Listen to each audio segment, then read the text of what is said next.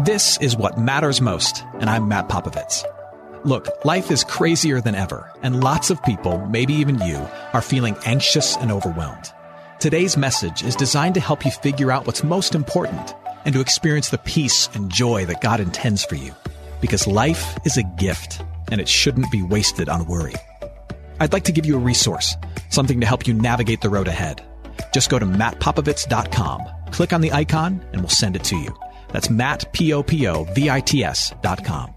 And hey, if you happen to live in the Houston area, I'd love to see you on a Sunday morning at St. Mark in Spring Branch. Head to stmarkhouston.org to plan your visit. Here's today's message. Thanks for listening. Let's, let's pretend for a moment that you have, you have a deep fear of flying.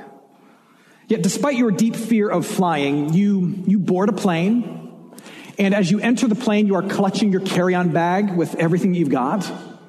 And as you enter the plane, you make eye contact with the pilot. And the pilot thankfully looks the part, like he's wearing the uniform, he's got the wings, he's got the voice. Welcome aboard. And for a moment, you're put at ease. Oh, he looks like he can do the job. But then as you're entering, the pilot makes eye contact with you, leans over towards you and says, Welcome aboard. Do you know the Lord? And that question starts to weigh on you, and you start to wonder, like, why, why, why does the pilot want to know if I know the Lord? Why is, why is the pilot wondering whether or not I'm right with God? Should I be getting on this plane? What's going to happen on this flight? Now, the reason I, I mention that story is because ultimately, ultimately, I don't care whether or not my pilot has a robust faith in Jesus. What, what I care is whether or not my pilot can fly. That's what I care about. I'm all for pilots being passionate about Jesus, but in the end, if, if you can't land, I'm not getting on your plane. You may be the most passionate, faith filled follower of Jesus that's ever lived, but if you're like stepping onto the plane saying, Well, I hope this turns out well, I'm not getting on your plane. And, and that, that brings me to the first thing we need to understand. Some people think that integrating faith and work means making your work an evangelistic outpost. That all of a sudden, in order to integrate your faith and work, you have to talk about Jesus all the time at work. You have to start wearing those annoying t shirts and cranking KSBJ in the cubicle and doing altar calls at the break room. That that's what it really means to integrate. And, and what I want you to know is that, that that is not the case. Uh, in fact, that's, that's almost the opposite of what God wants you to do. As we said a week ago, your work has been established by God, whether you know it or not, to bless other people. That whether you're a person of faith or not, that God has good gifts he wants to deliver through your work, whether you know it or not. And so your primary task as a believer is to understand that there's a primary gift to be given through your work, and that your first task is to deliver that gift with excellence. That's your primary task. There is embedded in all work a necessary task, a primary gift that is meant to be given. So, for example, if you're a pilot, the primary gift that's meant to be given is not an altar call, but the gift of a safe flight. If you're a baker, the gift that's meant to be given are top notch bagels, nothing better. If you're a teacher, the primary gift is an excellent education. If you're a mom, it's everything. If, if you're a home builder, it's, it's level foundations and square walls. If you're a cashier, it's quick service. If you're a drilling engineer, it's, it's crude that's brought safely to the surface so it can be brought to my car as fast as possible. And if you refuse or you fail to deliver this primary gift, you're missing the point for which God has put you into this work.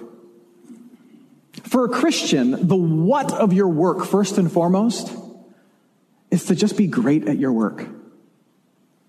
Just be great at your work. To excel at it, because that's why God put you there. I, I think, honestly, the most dedicated, hardworking, joyful to work with, most faithful office mates, most earnest employees should, in theory, be people of faith. Now, sadly, I know that's not the case, but that should be the case. Because for people of faith, the lights have been turned on. And what we realize is that God is working through our work and that there are neighbors on the other side of this work, maybe right in front of me or far down the line, that need me to be good at this work. And so my primary job as a person of faith, knowing God is employing me and other people need me, is to just crush it at what I'm called to do. Just be great at it. Be good at it because God's called me to it. Even if I don't like it for now, He's called me to it. And somebody down the line, they need me to be good at it. So if you're wondering how to make your, your workplace a ministry, here's how you make your workplace a ministry. Be competent at your work. Be good at it. And bring as much blessing through the primary task of your work as possible. That's how. And this is also one of the main reasons why when you read the scriptures, the scriptures have like zero tolerance for laziness. And it's not just laziness in general, it's the laziness of believers. And not so much lazy believers who are unwilling to share their faith, but lazy believers who take their laziness to work. And they don't, they don't do their part. They, they, they, don't, they don't bring their best. Why? Because from a scriptural perspective, we're the ones who should know better. No matter what you do, whether you like it or not, God's employing you in what you do, and somebody needs what you do. So the first way to integrate faith and work is to just be good at your work. That's it.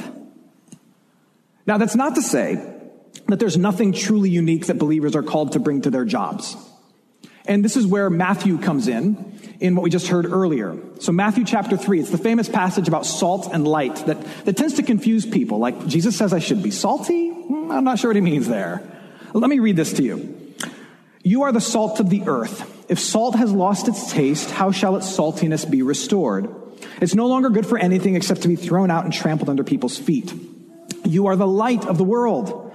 A city set on a hill cannot be hidden, nor do people light a lamp and then put it under a basket, but on a stand. And its light gives light to all in the house. In the same way, let your light shine before others, so that they may see your good works and give glory to your Father who is in heaven. So, what does salt and light mean? In short, what it means is that as members of God's family, if you're here as a Christian, you're a member of God's family. It means that as you do your business, whatever your business is, your business, your work is meant to have certain noticeable characteristics to it. As you seek to be excellent in your task, in your job, it should have certain noticeable characteristics that, that are reminiscent of, that are drawn from, that are reflective of this kingdom of God that you claim to be a part of. We're to do work that's not only competent, that's job one, do good work, but we're to do work that, that carries with it certain characteristics of the kingdom. And these extra characteristics of the kingdom that you layer onto your work, that you, you add to your work, those are what you could call like the secondary blessings that believers are called to bring to their work. Now again, that doesn't mean you have to blast Christian music in your cubicle or do altar calls in the break room. It, it's about the values and the, the priorities that you bring to your work that you believe are reflective of the larger kingdom that you're a part of. It means you're asking questions like this What is important to God? I mean, what, what I know of God and what I believe about Him, what, what, what is important to Him, and how might I let those things like be reflected in some way, shape, or form in my work? So, for example, what we believe is that God is all about showing offensive amounts of mercy. Like people who don't deserve love get love. People who don't deserve grace get tons of grace. How might that be reflected in my work? That's a secondary blessing you're called to give.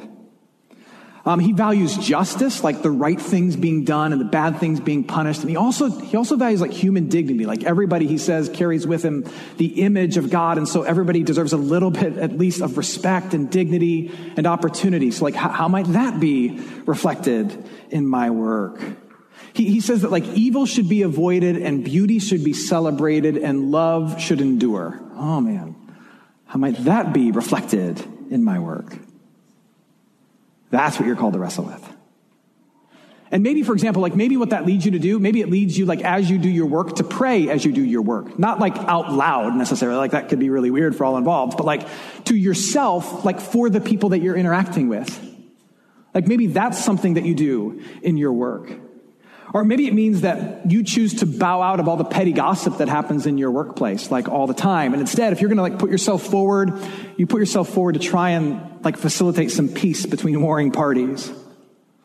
Or here's one. Maybe you notice that in your particular line of work, people are really quick to bend the rules in order to make the deal or get the sale, but you, you just kind of tap out of that activity and you look for a way to do your work with a slightly higher integrity quotient.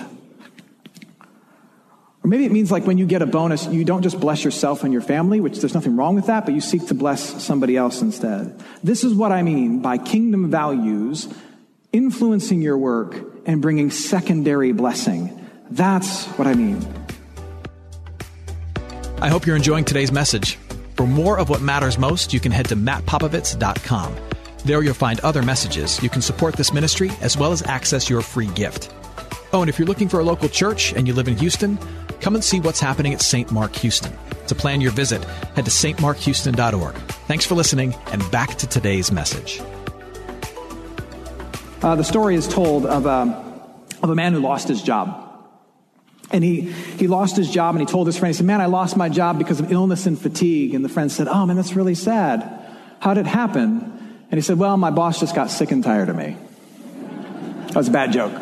I will fully own it. Here's why I share that bad joke. I think that if you are serious about bringing secondary blessings into your work, like letting the values of the kingdom, like wrestling, like what matters to God and how can that matter to me and my work, that that that punchline will rarely, if ever, be true of you. Because you will be bringing flavor and light to your work that the world is longing for. The world wants people who do what you do. And I don't know what all of you do, but I know this. The world wants people who do what you do with dignity and with love and with a sense of justice and with a higher level of integrity. The world wants you to do what you do with the values of the kingdom on top of it. It wants it. It needs it desperately. And so your call, if you're here as a baptized child of God, is to wrestle with what that might look like. But just be ready, be warned, when you do that, and this is kind of the point, do that when you wrestle with what those secondary blessings are and you try to bring them into your work as you're trying to crush it at what you're called to do, pe- people will notice that. And that's kind of the point. They will notice these little extra things that you bring to your work, and, and they may even ask you about it, and they may even ask you why. Like, why do you do this, this, this, or this? And when they ask you why, that, that's the opportunity for witness. When the world asks you why you do the little extra that you do, and then you tell them why, that powerful opportunity for witness comes in. Uh, case in point, and you might laugh at this, case in point is Chick fil A. Now, I'm not just mentioning Chick fil A because I'm a Christian pastor and I'm technically endorsed by them and I have to. Although all that is true. I'm mentioning Chick fil A because I think this really is a great example of what this looks like. Now, why is Chick fil A great? Chick fil A is great, bottom line, because their food is good. Ultimately, if you like Chick fil A, you like Chick fil A because the sandwiches are good, the waffle fries are good, the milkshakes are cold, it's all good. Now, I say that because if, if their sandwiches stunk, nothing else would matter. Their primary task is to deliver good food, and they deliver on that. But what is the other thing that everybody knows and everybody notices and everybody talks about at Chick fil A? At Chick fil A, if you go in and you say thank you, they say, that's right. Some of you know. And if you try to go to Chick fil A on Sunday, you can't go to Chick fil A because they are, they're at Whataburger. That's actually what's going on there. It's the day that they wise up. It's a series of choices ultimately driven by their faith, a conviction that they're here not just to do excellent earthly work, but for them, as they see it, to bring a, a tiny bit of what they think heaven is all about to their work. And so they try to add an extra layer of kindness and hospitality. My pleasure. And they try to make a space for their employees if they want to take Sunday off and go to church at the very least. Everybody deserves a rest and so they try to give everybody that rest. And that's a little bit of what they think kingdom matters in the kingdom coming into their workplace. But ultimately, it's still about great sandwiches. And guess what? When people notice that, some people love it, some people hate it. Some people love it, some people hate it. But everybody experiences it. And, and when they ask why, why do you always say my pleasure? Or, or why are you closed on Sunday? And they get the opportunity to explain that, or they do a little bit of searching on the web and they understand the backbone behind that. That's when the opportunity for witnessing comes in, and the same is true for you. When the world asks why is when you become a witness. And, and my ask of you, as, as your pastor and friend, is that I want you to have those kinds of moments. Not every day, not every week, but every once in a while where somebody doesn't just ask what you do for a living, but they ask why you do it the way that you do. When they see that you are patient with Pam, and nobody's patient with Pam.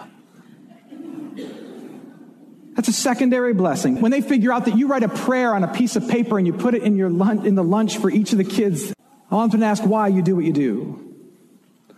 When they discover that, that you always write thank you notes to your clients, always or that you never give in to, to the office gossip or the petty rumors that get spread among parents at the school.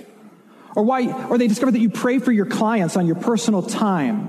When they ask why you do these little extra things that really maybe nobody else even sees, that you are ready, you're ready to say, here's why, because my pastor told me to. No. Here's why, because I believe I was kind of put in this job for a reason.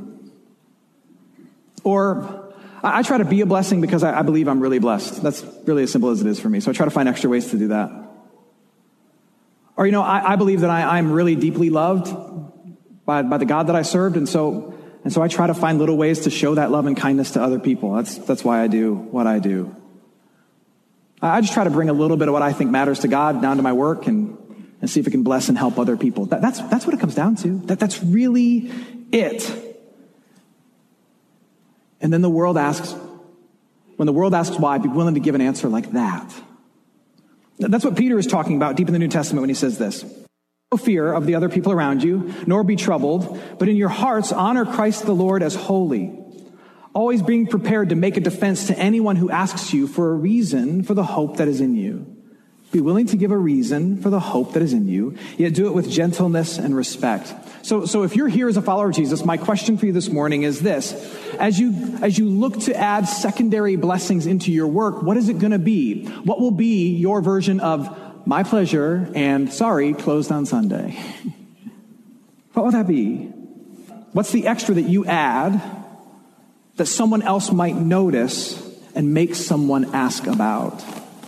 And when they ask, what will you say? That's what it means to work with mission and with purpose. Now, what you might be saying is, Matt, this sounds like this will take extra intentionality and work while I do my work. And the answer to that is yes, yes, it will. In fact, it will take three things that, that fewer and fewer people today, I think, are willing to give to their work. Um, it, it, it requires selflessness and vulnerability and time.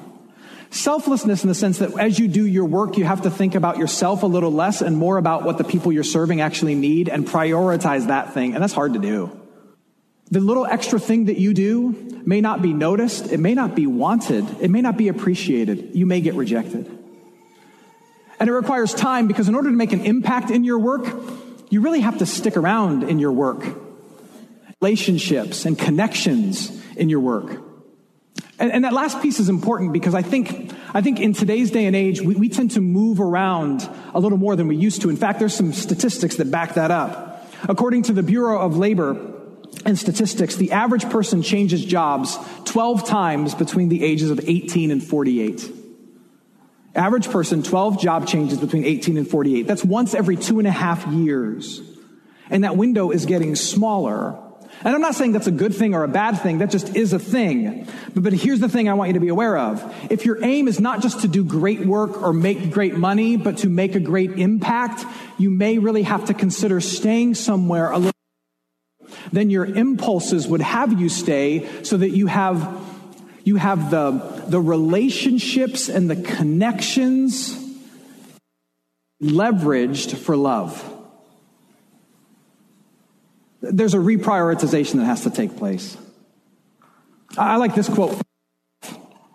Bob says this. He says, People who spend all their time trying to make money end up spending all their money trying to make time.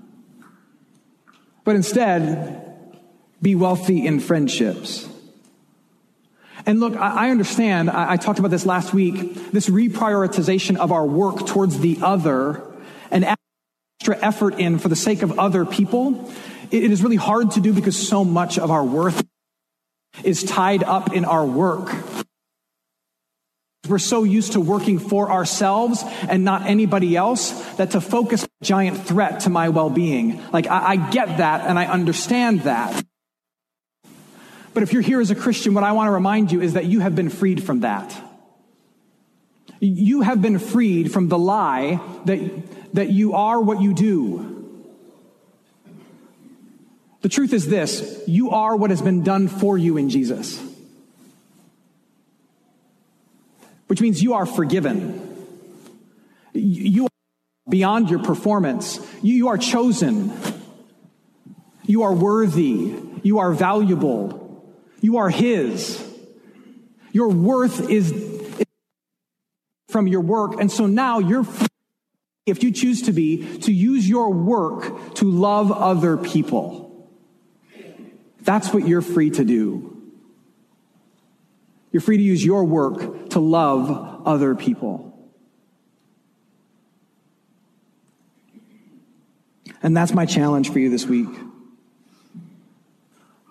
Whatever you're called to do, my challenge for you today is to discern two things to discern the primary gift that you're called to give in that calling, and then crush it.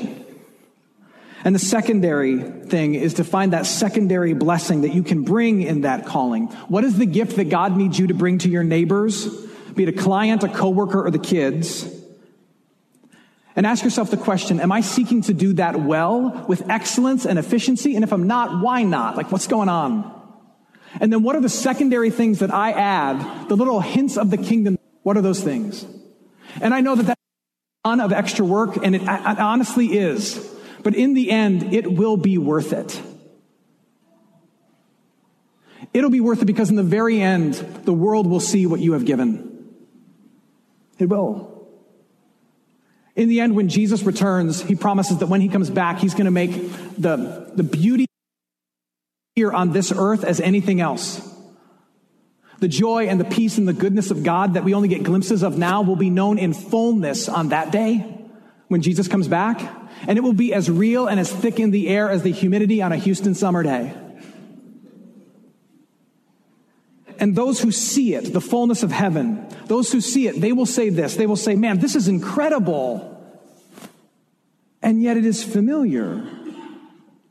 And they'll think, where, where have I experienced this heaven before? Where have I seen this? Where have I glimpsed this? Where have I felt this before? And the answer will be The answer will be from you at your desk, in your office, in the reports that you turned in, in the meetings that you ran, in the, in the walks that you went on with the kids, in the notes that you sent, in the letters that you wrote, in the way that you did your business, in the way that you bore witness with your life, in the little hints of heaven that you each and every day. That's where they will have seen it before. And that's what will make them say on the last day when heaven hits in fullness, they will say, Man, this reminds me of my plumber. Or of my kid's third grade teacher. Of the architect we hired for that renovation job. Of the coworker I used to sit next to. Reminds me of my mom. Why is that? Heaven come to earth reminds me of them because they did their work in such a way that they brought heaven to earth. That's why. And that's the impact that you get to have. Be good at the primary task you're called to do. Bring something extra that makes the world ask why. And when they ask why, be ready to bear witness. Hey, it's Matt. I hope you enjoyed what matters most. Here's what I need you to know life is a gift, and it shouldn't be wasted on worry. I want to help you figure out what's most important and to experience the peace and joy that God intends for you. So, for more content, you can head to mattpopovits.com. That's Matt, P O P O V I T S.com. There, you can also support this ministry as well as access your free resource, a little something to help you navigate the road ahead. I'd also love to see you on a Sunday morning. If you're in the Houston area, head to stmarkhouston.org to plan your visit. In the meantime, hit me up on Instagram at mpopovits or at facebook.com slash Ministries. Thanks for listening. Now go and hold tight to what matters most.